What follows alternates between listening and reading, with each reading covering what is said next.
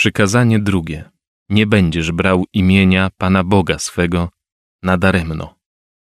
Jak można zszargać dobre imię Boga? Klasycznym przykładem jest bluźnierstwo. Jednak rzadko kiedy się go dopuszczamy w sensie ścisłym. Aczkolwiek można powiedzieć, że dochodzi do swoistego bluźnierstwa wtedy, gdy jako świadkowie Chrystusa dajemy zły przykład. Gdy brakuje nam na przykład miłości bliźniego, kiedy się wściekamy, ryczymy, wpadamy w rozpacz lub gdy jesteśmy smutni. Wierzący, smutny człowiek w dużym stopniu narusza chwałę Bożą.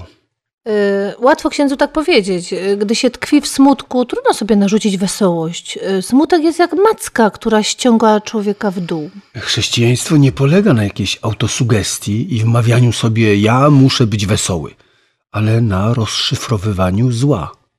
Na przykład na uzmysłowieniu sobie fałszywych przyczyn smutku. Weźmy przywiązanie do sukcesów. To właśnie, że ich nie mamy, czyni nas smutnymi. Na przykład yy, umiera mi dziecko. No właśnie, umiera mi dziecko. Mogę być potwornie smutny aż do momentu, kiedy odkryję, że nie wczuwam się w sytuację tego dziecka. Przecież ono w tym momencie ogląda już Boga, twarzą w twarz. A to przecież coś zachwycającego. Zazwyczaj człowiek lituje się nad sobą, nad swoją samotnością. Świadomość tego powinna wyrwać nas ze smutku. Kiedy człowiek jest skupiony wyłącznie na sobie, nie potrafi pomyśleć, że Pan Bóg chciał zachować to dziecko przed jakimś złem i dlatego je zabrał. A ściślej mówiąc, wcale go nie odbiera. Ono wciąż istnieje i jest przy nim dalej. Kiedyś ten człowiek je zobaczy, jeśli trafi do nieba. Dziecko przecież może nawet mi wiele pomóc, będąc po tamtej stronie. Wszak stojąc przed Bogiem, można wiele wyprosić.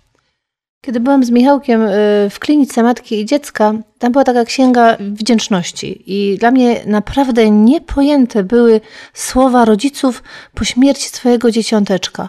Tam było napisane: Dziękujemy Ci Boże i błogosławimy Cię za to, że przez kilkanaście godzin dałeś nam łaskę trzymania go na rękach.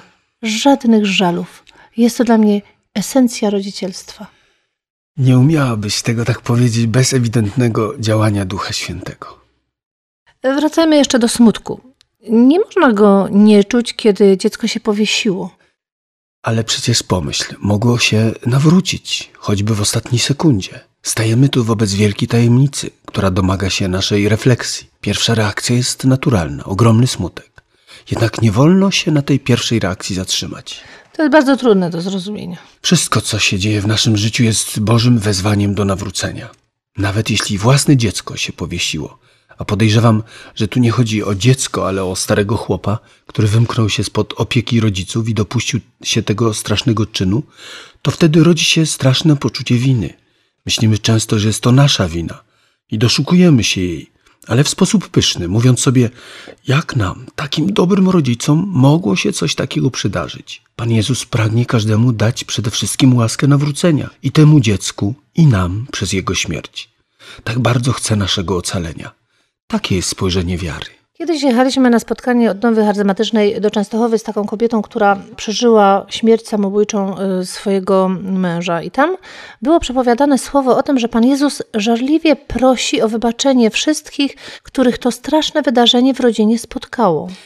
Rzeczywiście można by tak powiedzieć, że to my musimy Bogu wybaczyć. Jest coś takiego, że człowiek po jakichś strasznych tragediach podświadomie uznaje Boga za winnego. Pan Bóg prosi nas o wybaczenie w pewnym sensie. Prawda natomiast jest taka, że Bóg nigdy nie zgrzeszył, nic złego nam nie zrobił, a przecież wydaje się, jakby klękał przed nami i błagał nie tyle o wybaczenie, co o zrozumienie.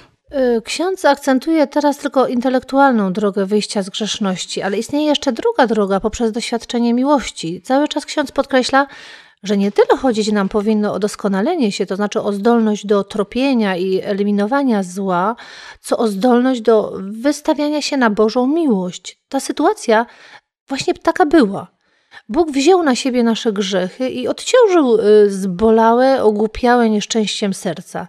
W tym wypadku prosi o to, abyśmy pozwolili mu wziąć nasz ból na swój krzyż. Przynajmniej ja to tak y, rozumiałam. I dobrze to rozumiesz, tak można powiedzieć. To jest w końcu hipotetyczne gawędzenie na temat tego, jakie są przyczyny takiego nieszczęścia. Pobudki mogą być różne, tego nie dojdziemy. To może być towarzystwo, narkotyki, a rodzice mogą być święci. Nie wiem, czy ksiądz coś takiego zauważył, ale gorliwym kapłanom w rodzinie czasem dzieją się takie trudne sprawy, jak na przykład rozwód kogoś bliskiego. Czasem rozwiązywanie takich problemów kończy się w kieliszku. Tak, tak, ale nic nie może nas dobijać. Jeśli nas dobija, to znaczy, że to my odmawiamy Bogu racji w ratowaniu nas z niebezpieczeństwa zbyt dobrego mniemania o własnej rodzinie. Pan Bóg też pragnie uwolnić rodzinę od dobrego mniemania o sobie, spowodowanego na przykład powołaniem syna do kapłaństwa. Przykładowo zdarza się rozpad małżeństwa jego własnej siostry. Pan Bóg chce nawracać każdego, zarówno siostrę księdza, jak i jej męża, który być może jest zupełnie z innej bajki. Bóg stale kołacze o nasze nawrócenie. Także ksiądz musi zrozumieć, że jest grzesznikiem wywodzącym się z grzesznej rodziny. Powinien doświadczyć, że wszystkim, bez wyjątku, potrzebny jest Zbawiciel. To nie jest tak, że rodzina księdza nie potrzebuje już Zbawiciela. Jeżeli jacyś krewni kapłana przypisują sobie monopol na świętość z powodu pokrewieństwa z księdzem, to znaczy, że jest z nimi bardzo źle i bardzo potrzebują Chrystusa. Kiedy mówiłam o sytuacji wystawiania się na Bożą miłość, przypomniało mi się, że najlepszym sposobem na to jest modlitwa. Zauważył ksiądz, że nie ma przykazania módl się? Ktoś kiedyś nazwał modlitwę opalaniem się. Staję przed Panem, a On promieniuje na mnie swoją miłością. Rzeczywiście, nie ma przykazania módl się, ale jest nie będziesz brał imienia Pana Boga swego nadaremno. To nadaremno to jest zła modlitwa.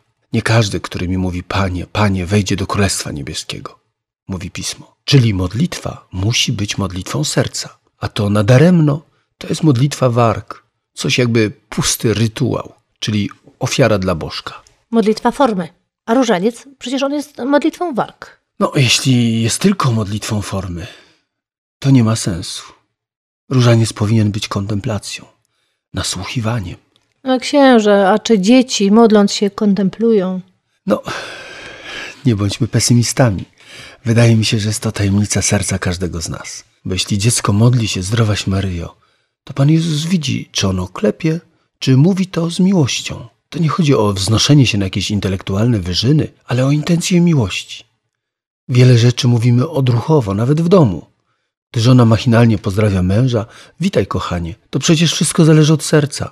Jeśli serce jest całe zwrócone na małżonka, to te machinalne słowa nie podważają prawdy o ich miłości. Jeżeli jednak serce żony odwraca się od męża, to te odruchowe słowa stają się w jej ustach obrzydliwe.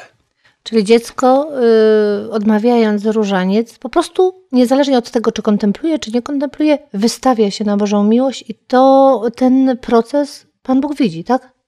Oczywiście. Pan Bóg y, znajduje do dziecka szczególne drogi właśnie dzięki ich prostocie. I radziłbym raczej y, poczekać z, z pośpiesznymi wnioskami. Czy grzeszymy za każdym razem, gdy nam się wymknie słowo Jezus? Bo tak się to przykazanie przekłada na język dzieci. To jest taka interpretacja bardzo literalna. Mamy pokusę dosłownego tłumaczenia przykazań. To najłatwiejsze. Wtedy robiąc rachunek sumienia, wystarczy tylko policzyć, ile razy nam nie wyszło. Wydaje mi się, że Panu Jezusowi byłoby bardzo miło, gdybyśmy przy każdym wypsnięciu się słowa Jezus dodawali w sercu kocham Cię. Księże, czy przekląć kogoś, to znaczy obrazić imię żyjącego w nim Boga? Na pewno słowa mają niesamowitą siłę. Dobitnie wyrażają to, co jest w naszych sercach. A serce ludzkie to coś niesłychanie wielkiego. Kiedy człowiek mówi komuś kocham Cię, to te słowa zapamiętuje się do końca życia. Nawet gdy powie ci to ktoś, kogo nie znasz, to zapamiętasz to. Ciekawe. Gdy ktoś ci powie nienawidzę cię, to też to zapamiętasz. Nawet wtedy, gdy zostało powiedziane to tylko w emocjach, w złości i jest nieprawdą. Pewne słowa niesamowicie rezonują w naszym sercu. Wydawałoby się, że mają jakąś moc.